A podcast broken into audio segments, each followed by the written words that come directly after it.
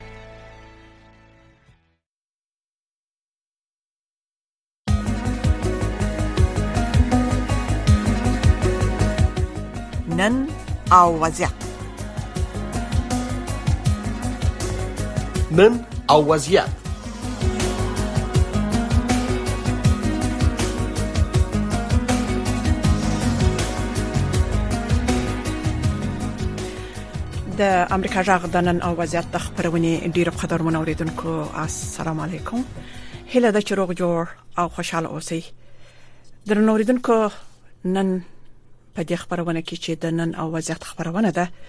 تاسو ته د افغان مهاجرو پستونزو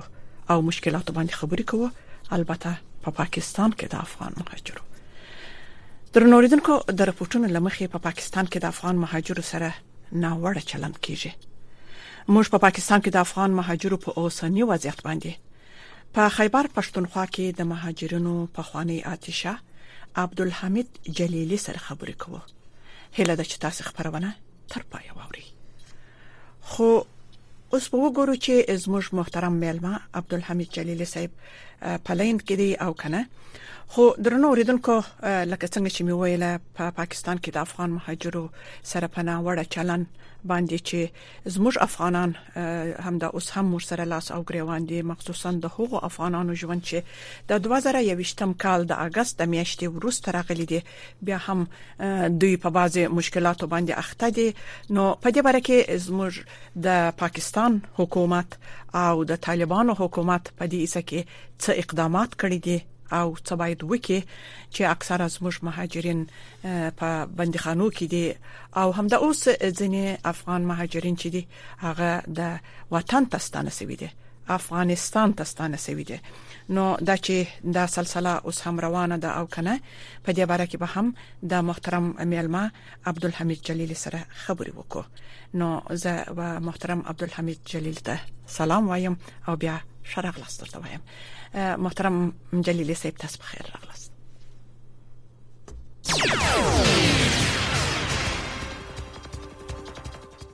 لارو د لارې تاسو محترم رادیو اوریدونکو ته هم سلام او نیکی هیله کورمودان محترم جلیلی صاحب لکه څنګه چې مخ کې هم ویل د رپورټونو لمخ کې لمخې په پا پاکستان کې د افغان مهاجرو سره ناوړه چلن کیږي خو موږ په پا پاکستان کې د افغان مهاجرو په اوسنی وضعیت باندې البته مخصوصاً د هغو افغانانو ژوند چې د دوه زره یوویشتم کال د اګست د میاشتې وروسته راغلي دي دا به ستاسو سره وڅېړو نو مهرباني وکړئ د افغانانو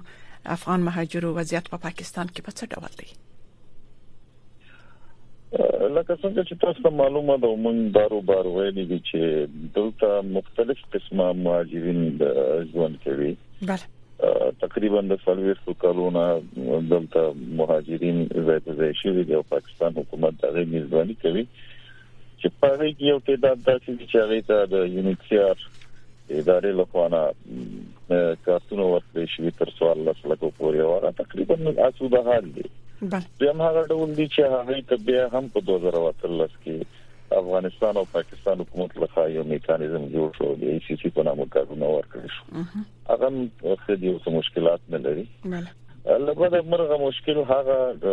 تعداد مهاجرینو ته زیات دی چې هغه د 2020 کال د اگست میاشتې د 15 مې روستا په مختلفو لارو په مختلفو طریقو پاکستان ته راغلي دي او دلته په پاکستان کې په مختلفو ایالتونو کې نشته او په دغه ډول مهاجرینو کو به ځانګړي ډول هغه مهاجرینو ته ډېر مشکلات دي چې هغه په سند ایالت کې اوسېږي او په بلوچستان کې اوسېږي او یو تعداد په پنجاب کې اوسېږي او لیکن دا هغه مهاجرین ته په خیبر پښتونخوا کې په هغه ډول مشکلات نشته لکه څنګه چې په سند ایالت کې د کراچۍ په ښار کې د حیدرآباد په ښار کې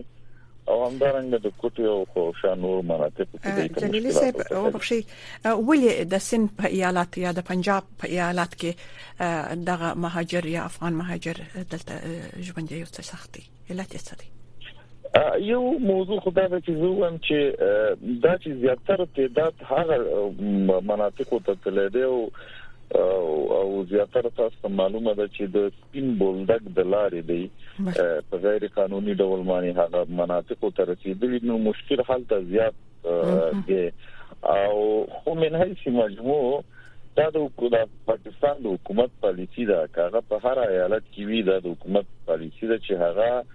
د هغه مهاجرینو سره چې هیڅ ډول اسناد نه لري په پاکستان کې نشته هغه سره سختی کوي بله. چې دا سختي د مخکې نه بې سارې ده. بله. دا ډول مهاجرین نیول کېږي، دغه ډول که زنانه وي، که ماشومان وي، که سپین ږیري وي، که مریضان وي، دغه ټول نیول کېږي او دغه ټول په دغسې مناطقو کې په زندانونو کې شپې ورځې تېروي، هغه ځورول کېږي او هغه یو تعداد بې تبې چې وخت تیر شي هغه به دغه کېږي او د دې اصلي علت دا دی چې یو خوانه پاکستان حکومت وایي چې مونږ له پخوا څخه دلته د ډیرو مهاجرینو میزبان یو او په وزمن اقتصادي حالات او همدارنګ امنیتي حالات د دې جوګه دي چې نور مهاجرین مونږ ته قبول کو او د دې په اساس باندې د په دې خم مهاجرینو باندې یو قسم زور راوړي تکلیف راوړي تر څو چې په زور دا موضوع میډیایي شي او داخل د افغانستان کې چې کوم خلک دی غواړي پاکستان ته لاړ شي دا تاثر انتقال کی چې نور پاکستان ته تللو کوشش ونکړي بله جلیلی صاحب تیر هفته تاسو ته معلومه یی چې امریکا هم ویلي و چې موږ د افغان مهاجرونو په اړه خبرې کوو چې هغه د 2021 کال د اگست د میاشتې وروسته الته ورغلي دي نو دا ولی امریکا دا غوښتنه کړې ده یو موضوع به کې بل هم شته ما غوښتل چې دویم بخش هم مهرباني وکړئ نو هغه دویم دا دی چې پاکستان حکومت تاسو معلومه ده چې د تیر سلويختو کال کې یو خاطر کې میزبان و د دې مهاجرینو په بل خاطر انټرنیشنل کمیونټي سره یا ملل متحد سره او دنیا ته د مهاجرینو په اړوند باندې یو تعامل کړي او د دغه تعامل په مقابل کې پاکستان حکومت ډیر امتیازات هم ترلاسه کړي دي دا کوم ډلې مهاجرین چې ما خو د دې په حق لا باندې مهاجر د پاکستان حکومت له پخوانه امتیازات حاصل کړي دي اوس هم ډیر پروژې دلته موجود دي خو یو قسم ته دا تاثیر هم ورکول غواړي چې نړیوال دی راشي او په دغه بخش کې موږ سره کومک او مرسته وکړي په دې اساس باندې ډېر وروسته یو تقریبا د دغه موضوع نه تقریبا یو نیم کال وروسته د امریکا هیواد هم د پاکستان سره تیر هفته ویل چې موږ د دغه مهاجرینو د وضعیت په اړه باندې د خبرې کوو دا هغه مهال وشو چې د نړیوالو بشري حقوقو کمېسیونونو او همدارنګه میډیا د دغه مهاجرینو سره د سلوک ډیر خبرونه خبره کړ نو دا دغه چې د امریکا د حکومت د بشري حقوقو په اړه باندې یو خاص منډیټ لري او په دې اړه مې د پاکستان حکومت سره د خبرو د پیل اعلان وکړ بله کورمادان ډیره مننه محترم عبدالحمید جلیلی صاحب جلیلی صاحب حکومتونو ته څه پکار دي ساس په نظر هغه که د پاکستان حکومت دی او د طالبانو حکومت دی دلته درې جهات دي چې هغه په دې اړه باندې مسولیت لري یو انټرنیشنل کمیونټي ده یا دنیاوال دي چې د مهاجرینو په اړوند باندې باید لکه څنګه چې د یوکرين مهاجرین په خپل اولیتونو کې نیولې دي او لکه څنګه چې د د یمن او همدارنګه د سوریې مهاجرین په خپل اولویتونو کې نیولې دي په دغه شان د یو ځل بیا د افغانستان دغه مهاجرینو ته چې مختلفو هیوادونو ته کډوال کیږي په اولویت کې ونیسي او دا د شاته نه ورځي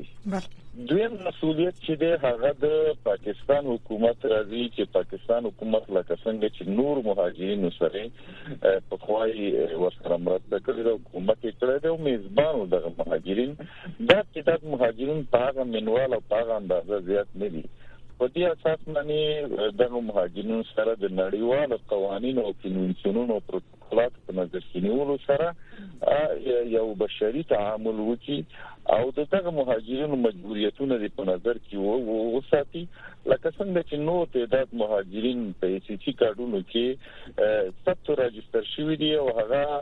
دی هم ثبت راجستر کړي او پاکستان کې د وزیدو حق وته ورکړي شي بله بله درې مرکم جهاد چې دی هغه د افغانستان اوسنی چارواکي اوسنی حاکمان دي لبد امرغه د افغانستان اوسنی چارواکي داسې تقریبا یو روخانه میکانیزم د دغه مهاجرینو په اړوند باندې نه لري د تیر کال راهیسه تقریبا په دې اړه باندې موږ داسې یو روښانه پالیسی یا ستراتیژي په نظر نه راځي چې د هغه مهاجرینو په اړوند باندې د پاکستان حکومت سره خبري وکړي او یا دغه ستراتیژي اعلان کړي هغه ستراتیژي چې په داخل د افغانستان کې د دغه سي افغانانو مخه ونیسي چې هغه افغانستان تلاشي په دې اړه معنی څه اقدامات شوي دي او د هغې نه په دویم قدم کې دا چې دی پاکستان د حکومت سره په دې حق لمانې څه مذاکرات کړي دي او پاکستان حکومت سره په دې حق لمانې په کوم میکانیزم او په کوم ستراتیژي په اساس باندې دلته مذاکرات کړي تر اوسه پورې د دې کوم رسمي هیئت راغلی دی چې د دغه ځي چارواکو سره خبرې وکړي او یا د دغه سر فقط یوازې د کنسولګری او یا د سفارت د اول سکرټر یا دویم سکرټر په حیثیت باندې دا موضوع نه کیږي چې د پاکستان حکومت سره ډیل شي بلکې افغانستان حکومت دې دا د خپل اولویتونو کې د ونیسي او د دغه خلکو د ساتنې په خاطر باندې او د خلکو د حقوقو ورکولو په خاطر باندې جدي اقدام وکړي بله مخت... کورمادان ساس څخه جلیلی صاحب هم د اوس زموږ یو افغان مهاجر نه پیژم چې ځدران صیب ټلیفون کړی وو چې دی په کراچۍ کې اوسېږي او دی وایي چې د افغان مهاجرونو د ستونزو څخه یو هم هغه د دوی صحي ستونزه ده د دوی د روغتیا په برخه کې البته چې دوی په آزاد یا داسې هسپتالو ته روغتونونو ته نسیتللی د دوی سره دوی بیریږي چې دوی و شفاخانو ته یا هسپتالونو ته ولاړ شي نو په دې حساب تاسو د دغه مهاجرو په حساب کې څه وایاست دوه ډول مهاجرین دي لکه مخکې داس یو ستراتیژي ستا زدرا bale داس او بخشي جلیلی صاحب د دوی لپاره داس یو خاصه ستراتیژي موجوده ده یا ستا چې دوی د هغه څخه کار واخلي دوه ډول مهاجرین دي یو ډول هغه دي لکه مخکې چې ما تاسو سره یادونه وکړه چې هغه دلته قانوني اسناد لري نو هغه تعداد مهاجرین خصوصا په ځانګړي ډول په حکومتي شفقانو کې څه مشکل نه لري او هغه کولی شي چې حالت خپل علاج وکړي یوازې تقریبا د صحت کارت په ډول کوم سہولتونه چې پاکستان حکومت خپل خلکو ته ورکړي دا غوښنه به درشي دي دویم ډول هغه مهاجرین دي چې هغه هیڅ ډول اسناد نه لري یقینا دغه ډول مهاجرین ته مشکلات شته په صحیح ډول سراغي شفخانو ته تخکارا یا په زړورتیا سره نشي تللی د دې خاطر چې د پاکستاني امنیتي مقاماتو څخه یریږي چې د پغاچ شفخانو نه دای ونی نشو دا ډیر مثالونه شته دي چې د شفخانو نه او د دغه سي مختلفو بازارونو نه او د مختلفو غزانو نه چې د یوې کې استوګنې یا ضرورتونه لري دغه ځایونو نه د مهاجرین نیول شوی دی او هغه په زندانونو کې اچول شوی دی بنان تر څو چې افغانستان حکومت او پاکستان حکومت په دې اړه باندې رسمي رسمي یو میکانیزم باندې کارونه کوي او دواړه هیوادونه په دې ارتباط باندې یو موافقه ته ورسیږي دا مشکل و دوام لري بله کور مدان تاسو وایي چې د پاکستان حکومت او د طالبانو حکومت چې په دې حصہ کې یو مشترک میکانیزم په نظر کې ونه لري جلیلی صاحب د نړۍ نور هیوادونه په دې اړه ولې اقدامات نه کوي دا موضوعات ولې دوی نه مطرح کوي په دې برخه کې ولې د خلکو ستونزې په دوه اندازه دي چې اکثره موږ دلته د رپورټونو د حساب او د لې موږ ته ټلیفونونه کیږي چې د دوی مشکلات فوق العاده ډیر دي د نړۍ هم یو قسم ته دوګونی غوندې تعامل د افغانانو سره روان دی یو تعداد هغه افغانان دي چې مخکې د دې سره په مؤسساتو کې په انجوګانو کې یو قسم سیاسي پوسټونه یا په پارلمان کې یا یو تعداد سره تجارت پیشه خلکو نو هغه خلکو ته نړۍ هم لبیک ویلي او هغه خلک تقریبا اوس تاسو ته معلومه ده چې مخکې هم یې ځان سره خپل هیوادونو ته ویوړ او د مهاجرتونو سہولتونه یې ورکړ او دا پروسه تر اوسه پورې دوام لري او خلکو ته مشکل نشته دی دیمه طبقه هغه خلک دي چې غریب خلک دي نو د غریب خلکو په ارتباط باندې نړۍ هم لکه څنګه چې د طالبان حکومت ته شاړه ولې د پامده غډول باندې د دغه قسم افغانانو ته هم شا اړولې ده او دغه قسم افغانانو ته هم تعامل نه کوي دا به مختلف علتونه دي لکه مخکې چې ما تاسو ته ویلي او خدای دې چې اوس مهال د یوکرين د جنگ په اساس باندې ډیره توجه د یوکرين مهاجرینو ته ده او دا غي نه روسته چې د کورونا نه روسته چې د اقتصادي بحران نړۍ ته راغی یا د مهاجرینو کم دغه چې په کیفیت چې په اروپا او د امریکایي هوادونو ته وشو نو په دې ارتباط باندې نړۍ اوس هم محتاط ده لیکن تر اوسه پورې به اوس هغه اولویت هغه د سوریه او د د د یوکرين مهاجرین ته ورکړل له بده مرغه تر اوسه پورې یوازې په اعلانو باندې اکتفا شوې ده او دغه مهاجرین ته دغه ډول مهاجرینو ته خاصه اکتفا یا خاصه توجه نه ده شوې بله بیا مهم کور ودان ډیره مننه محترم جلیلی صاحب یو بل خبره دا ده چې موږ ته هغه رپورټونه را رسیدلې دي چې اکثره مهاجرین البته په کراچي کې دوی د باندې څخه آزاد شوی دي دوی خلاص ولا او دوی افغانستان ته ستانه شوی دي یا تللی دي نو دا مهاجر د یعنی آیا دا سلسله اوس هم روانه ده د افغان مهاجرو یو شی چې تاسو ته تذکر کوم زیاتره خلکو یا زیاتره ادارات یا زیاتره جهاتونه په هغه وخت کې فعال شي چې کله په دې پوښي چې د یو تعداد مهاجرینو د بند وخت په ختمیدو دی او د هغه نه وروسته دوی به کوشش کوي چې د دغه مهاجرینو په اړه باندې هغه ته موټر ونیسي او یا هغه ته نور دغه سي یو وسه دغه ښکار کی چې خپل فعالیت خلکو ته په میډیا کې ښکار کی چې زمونږ دغه سي مهاجرینو سره کومک او دومره مهاجرین موږ راخلاص کو او دا په دغه شکل باندې نه ده دا مهاجرینو سلسله د نیولو لکه خوا چې څنګه و اوس هم روانه ده یو تعداد مهاجرین چې ونیول شي او د هغو د وخت بند د بند او د قید موده چې خلاص شي د پاکستان د حکومت د محکمو د د د د فیصله په اساس باندې هغه باید بارډر پاس شي هغه بعد لاشي بارډر پاس شي نو دغه خلک مهاجرین د خپل قید د وخت د پوره کېدو نه وروسته خلاصيږي د دغه منځ کې هیڅ کله کوم مهاجر نه خلاص شوی بلکې دا د خپل قید د پوره کېدو نه وروسته خلاصيږي او دی زی خو هغه خو یو خواته چې دا یو ډول خلاصيږي بل ډول هلته دی نور راوړل کیږي او سبي کې د نن په په دې جیلونو کې او بزندانونو کې موجود دی او دا سلسله روانه ده بله دا خلک چې اوس د دې وخت پر کېږي او دوی ځي خپل وطن ته دوی د چا د خاص د دوی سره مرسته کیږي البته په تګ راتګ کې یعنی د دوی په ترانسپورتیشن په برخه کې د موټرونو یا بسونو یا څوک د دوی مسؤل دي چې دوی و افغانستان ته واستوي په دې وخت کې ډېر ادارات یا ډېر جهاتونه یا ډېر تنظیمونه شته دي چې هغه وسره یو تیتات کومکونه مرسته کوي یعنی د وکیلانو په فراهمۍ کې د سره د پی ټی ایم اداري یو تعداد وکیلان هم موجود دي او خصوصا منیجر کاکړ چې په دې حق لمن یو وکیل او فعال خزه د کراچۍ کې هغه په دې حق لمن ډیر زیار ایستل ډیر زیات کومک کړي او هغه اوس هم په دې حق لمن کومک او مرسته کوي همدارنګه د امارات کنسولګری او د کراچۍ کې او سفارت هم دوه یا درې ځل داسې د دغه مهاجرینو لپاره موټرې برابرې کړې دي چې دغه مهاجرین دوسته د دین چې هغه د زندان نخلاشي د سپین بولدک د لارې تر سپین بولدک پورې وته ترانسپورت برابر کړي چې د عبادت پات شي او هغه دینه به خپل کورون تلاشي محترم جلیلی صاحب یو بل سوال بیرته پر دې باندې راګرځو چې دا خلک ولې نیول کیږي د دې پروسیجر په اصطلاح د تاسو په خبره په څه ډول دی او دی یعنی ولې محاکمه کیږي او ولې زندان ته استول کیږي آیا یوازې د دوی چې قانوني اسناد نه لري په دغه اسه کې او کبه نور برخه کې هم ودوی ته سزا ورکول کیږي اصل کې د پاکستان د قانون په اساس باندې او د غي د قانوني او ماده چې 14 فارن اکټ یعنی چې دوی وته 14 فارن اکټ وایي هر هغه څوک چې خارجي تباوي او په دې هیواد کې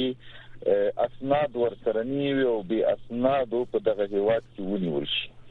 نو دغه په ارتباط باندې دغه قانوني ماده په اساس باندې د محاکمه کیږي او د دې محکمې چې دی د جج خوخه ده چې څومره دیتا جرمانه کوي او همدارنګ څومره قید وته اوروي کوم معمولا د خلکو ته چې د افغان مهاجرینو کیفیت ډیر زیات دی او همدارنګ په زندانونو کې د پاکستان په زندانونو کې د جیل په جیل یعنی چې څومره په جیل کې اوسېږي د هغې تقریبا کمیت په نسبت د ظرفیت سره غزیات دی نو بنا دغه زیاتره ججان او یا قاضیان کوشش کوي چې دا دوه یا درې میاشتو په شاده خلکو د جزا ورکړي او دغه دوه یا درې میاشتې وروسته به افغانستان ته ډیپوټ شي ارڅو چې بل هیواد یا غو خپل هیواد ته ډیپوټ کیږي بنان از زه فکر کوم چې د نورو دغه په اساس باندې نه دی یوازې یوازې دا چې د خلک قانوني اسناد نه لري او د قانوني اسنادو په نه لرو لورو په جرم باندې د نیول کېږي او به د زنداني کېږي او د به بارډر پاس کېږي بله بله بله ستاسو کور ودان زموږ یو څو پښتني نوري همسته محترم جلیلی صاحب تاسو ته معلومه ده محترم جلیلی صاحب چې د اگست د 20مې د 2020م کال د اگست د میاشتې وروسته چې افغانان مهاجر شوي دي نه یوازې و پاکستان ته بلکې و ایران ته و ترکیه ته و نورو اروپאי مملکتونو ته امریکا ته خلک مهاجر شوي دي او دوی اکثره اکثره د خپل اولادونو د تعلیم او تربیه په خاطر باندې دوی دا مشکلات پر ځان باندې وړي او دوی نور مملکتو ته مهاجر کیږي یا پناه وړي په پا پاکستان کې چې دا ډول کورنۍ درغلي دي او هغه ماشومان ورسره دي او دوی د دوی هدف هغه نجونې چې په افغانستان کې نن ورځ اکثره د مکتب څخه د محروم دي او د مکتبونو نسته مکتبونو پر باندې سوي دي او ځوانان د تحصیل د پاره الته درځي د هغو د پاره داسې یو خاص لار سته چې دوی ته یو خاص امتیاز ورکړي چې حکومت البته د پاکستان حکومت په دې برخه کې د دوی سره کومک وکړي خبرتونم په دې حق نه مې وکړه او دا یو اساسي خبره ده چې اول خو دا دی چې د اوسنی چارواکو په افغانستان کې دا مسولیت دی چې لومړی دا دا دا دا وسیړي په دې حق لمانه تحقیقاتو کې دا وړي خلک دي معلومه خبره ده چې خلک د ډېر علتونو نشيزي یو علت وی کې همدا دی چې هغه تعلیمي سہولتونه د دغه زموږ خويندو ته زموږ دردانو ته او دا سم د افغانستان کې نشته دی اوس یو سره د دې چې نور علتونه مشته یو علت بدایوي چې لکه څنګه چې د طالبانو حکومت په اوله کې ویل چې یو عمومي اپ د تری او سان د ازا پورې وته د چی وی ډیر زیات په ډیرو مناطقو کې دا شی تطبیق نشو خلک ونی ول شو وزور ول شو وژل شو دا غي دا غي ته اذیت ورسید دویمه دا چې تعلیم یافته ښه طبقه یا قشر زمونږ د خاطر هغه یو تعداد زیاتره د هغوی بې کاره شو، د هغوی د خاطر کار نشته چې هغوی ژوند وکړي، د هغوی د خاطر خو خېټه خو تاسو ته معلومه ده چې د کورنۍ نفقه غواړي، خېټه ډوډۍ او او څښاک غواړي. په دې اساس باندې د هغوی د خاطر د زمينه برابر نه ده. دریمه چې کومه اساسي خبره چې تاسو ورته اشاره وکړه هغه د تعلیم ماخذ موضوع ده هغه دا چې اوس زیاتره افغانان غواړي چې د هغې لورګانې هغه په په په په پونتونونو وایي هغه نوي تعلیمات وکي هغه د نوي دنیا سره ځان پر رقابت کې ویني چې باید رقیب شو تاسو سنه حالات وګوري نوې دنیا اوس بدله شوې ده بنان له بده مرغه په افغانستان کې ټول هغه پونتونونه د د د نجونو په مخ باندې تړلې دي او زیاتره افغانان چې یو تعداد ما ورسره خبرې کړې دي او مختلفو ځایان تر هغه یقینا چې یو څه اندازه اوسط اقتصاد هم لري دا یو غټ علت هم هم دا دی چې هغه د خپل اولادونو د تعلیم په خاطر باندې نور هیوادونو ته ځي امریکا او دغه څه چې پاکستان ته زیاتره راغلي دي ایران ته زیاتره دي ترکیه ته مهاجرین او اروپا او امریکا او دې هیوادونو ته دي bale bale bale واقعا دا ډیره سخته ده اکثره کورنۍ ته هم ډیره سخته یي چې دوی په دغه مشکلات پر ځان باندې وړي او بیا د خپل اولادونو په خاص ډول د خپل لونو په خاطر باندې د عالی تحصیلات په افغانستان کې د دې هم په د شپږم صرف څخه بیا تر فاکولټي پورې او تر پانتونونو پورې د شوزو پر مخ باندې نو په دې خاطر دا ډېر لوی ستونزه ده محترم جلیلی صاحب تاسو خپل هغه مهاجرو خويندو وړونو ته ستاسو توصيه څه ده چې دوی په اصطلاح د پاکستان او ایران او نورو مملکتونو ته دوی ځي دوی د کوم لارو څخه کار واخلي او څه وکړي او د دوی مشکلات څنګه حلېږي چې دوی فرزند دوی پاکستان ته درځي او څنګه وکیل بارډرونه تاسو ته معلومه دي چې د بولدک لار اکثره باندې د نور لارې باندې مریضان دي مشکلات دي د دوی دغه مشکل به څنګه حل شي لومړی ما خو د تاسو ته ویل چې لومړی د هغه خلکو مسولیت دی چې افغانستان کې نن حاکمان دي بله چې دا خلکو مشکلاتو ته جدي توجه وکړي د دنیا واقعیتونه په نظر کې ونیسي او د اسلامي اصولو په اساس باندې فردي افکار او ګډایي افکار خلکو باندې په جبر باندې تحمیل نکي او هغه واقعیتونه په نظر کې نیولو سره د خلکو مشکلات حل کړي دوهمه دغه خلکو ته هم د تقریبا مشوره د زمونږ چې دی تر هغه وخت پورې چې څو قانوني اسناد نه برابر کړي تر هغه وخت پورې د کوشش نه کوي چې هغه نور هیوادونو تلاشي یقینا موږ په دې پویو چې د د جنونو تعلیم دروازې تړل دا او د انجونو عدم تعلیم دا یو غټه ستراتیژي ده چې په هیواد کې موجوده غټ ناورین ده چې په هیواد کې موجود دی خو چې کله د د هیواد نه د تعلیم په خاطر باندې یا د نور ملحوظات په اساس باندې د خپل هیواد ناراضي دلته دلته بیا هغه تاوان چې دی ونیول شي د دلته تقریبا په بندیخانو کې واچول شي زنانه تی بیل شي نارینه تی بیل شي ماشومان تی بیل شي مریضانو ته توجه نه وي دغه تاوان په نسبت دغه تاوان سره زیات دی نو بنان دا چې زه متاسفانه وایم چې اوس افغانان په دوه ګټو کې مقایسه او مقارنه نه کوي چې خو به خې انتخاب خطر انتخاب کی بلکې په دې کې هغه مقایسه او مقارنه کوي چې بد انتخاب کی که بدتر انتخاب کی بنان مونږ په یو چې عدم تعلیم د د خزو یا ملي اقتصادي مشکلات یا د غنور موضوعات دا بد وی او دا کیفیتونه په داخل افغانستان کې وی خو دا چې د دلته په بندیخانو کې ولویږي او لکه ایتالیا غوندي د بهرونو کې د دې زمنګ ځوانان الته غرق شي د میان خوراک شي یا په د دنیا په بارډرونو کې هغه د دنیا د بارډري د سرحدي فوجونو لخوا نه وښتل شي یا وژل شي هغه تاوان به دغه نه زیاتې بنان کوشش دی وکړي چې قانوني لارې د اختیار کې د قانوني لارو په اساس دې خپل مشکلات حل شي ستاسو یو کور ودان ډېر ډېر مننه محترم عبدالحمید جلیلی صاحب په خیبر پښتونخوا کې د مهاجرو نو په خواني آتشه ستاسو یو کور ودان ستاسو د معلوماتو څخه چې زموږ اوریدونکو ته مو ورکړل کور مودان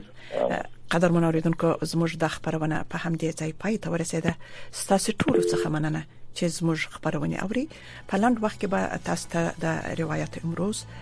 خبرونه پیل سي او ورسته ستاسو ژغ پروګرام دی چې د خبرونه مهیروي نو تاسو ټول پر خدای سپارو شپې ورځم په خیر